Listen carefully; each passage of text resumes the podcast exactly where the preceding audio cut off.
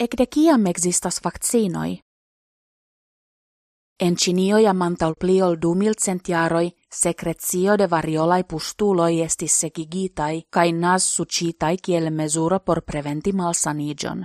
Citiu estis la unua vaccinado kiu ekigis immunan reagon kun malfortigita patogeno.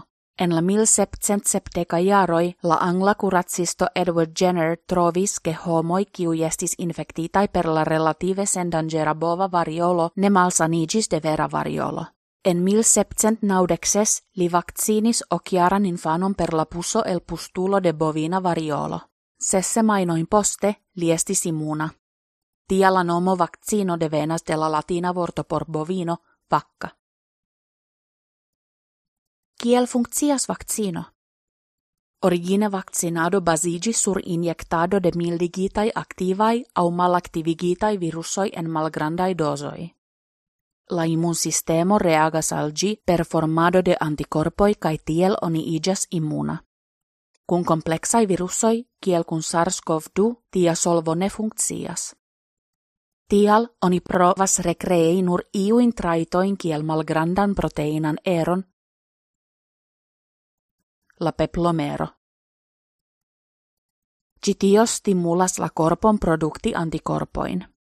Oni ankau provis genetike manipulitain donoa kai ronoa vaktsiinoin.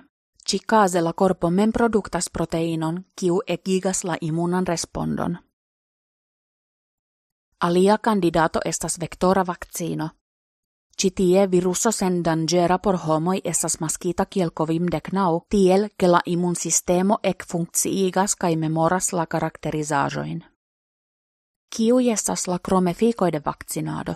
Cromeficoide vaccinado kutime limigas al svelinta areo, ce la injecta loco, au malfortigitai symptomoi dum kelkai tagoi.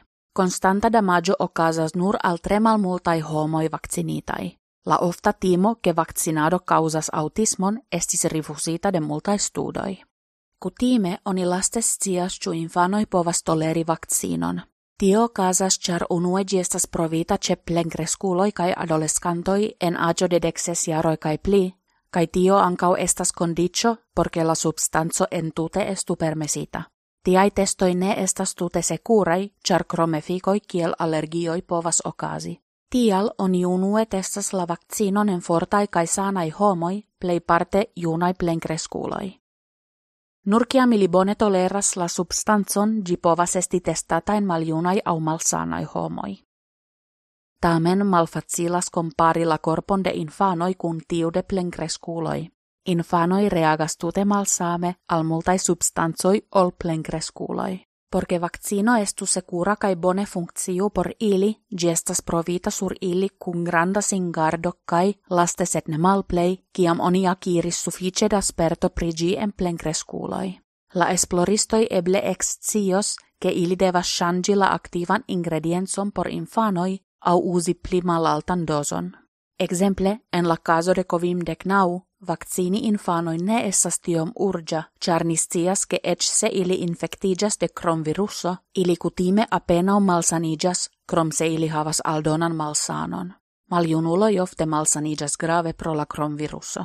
Sekve pli urgas vaccini citiuin homoin.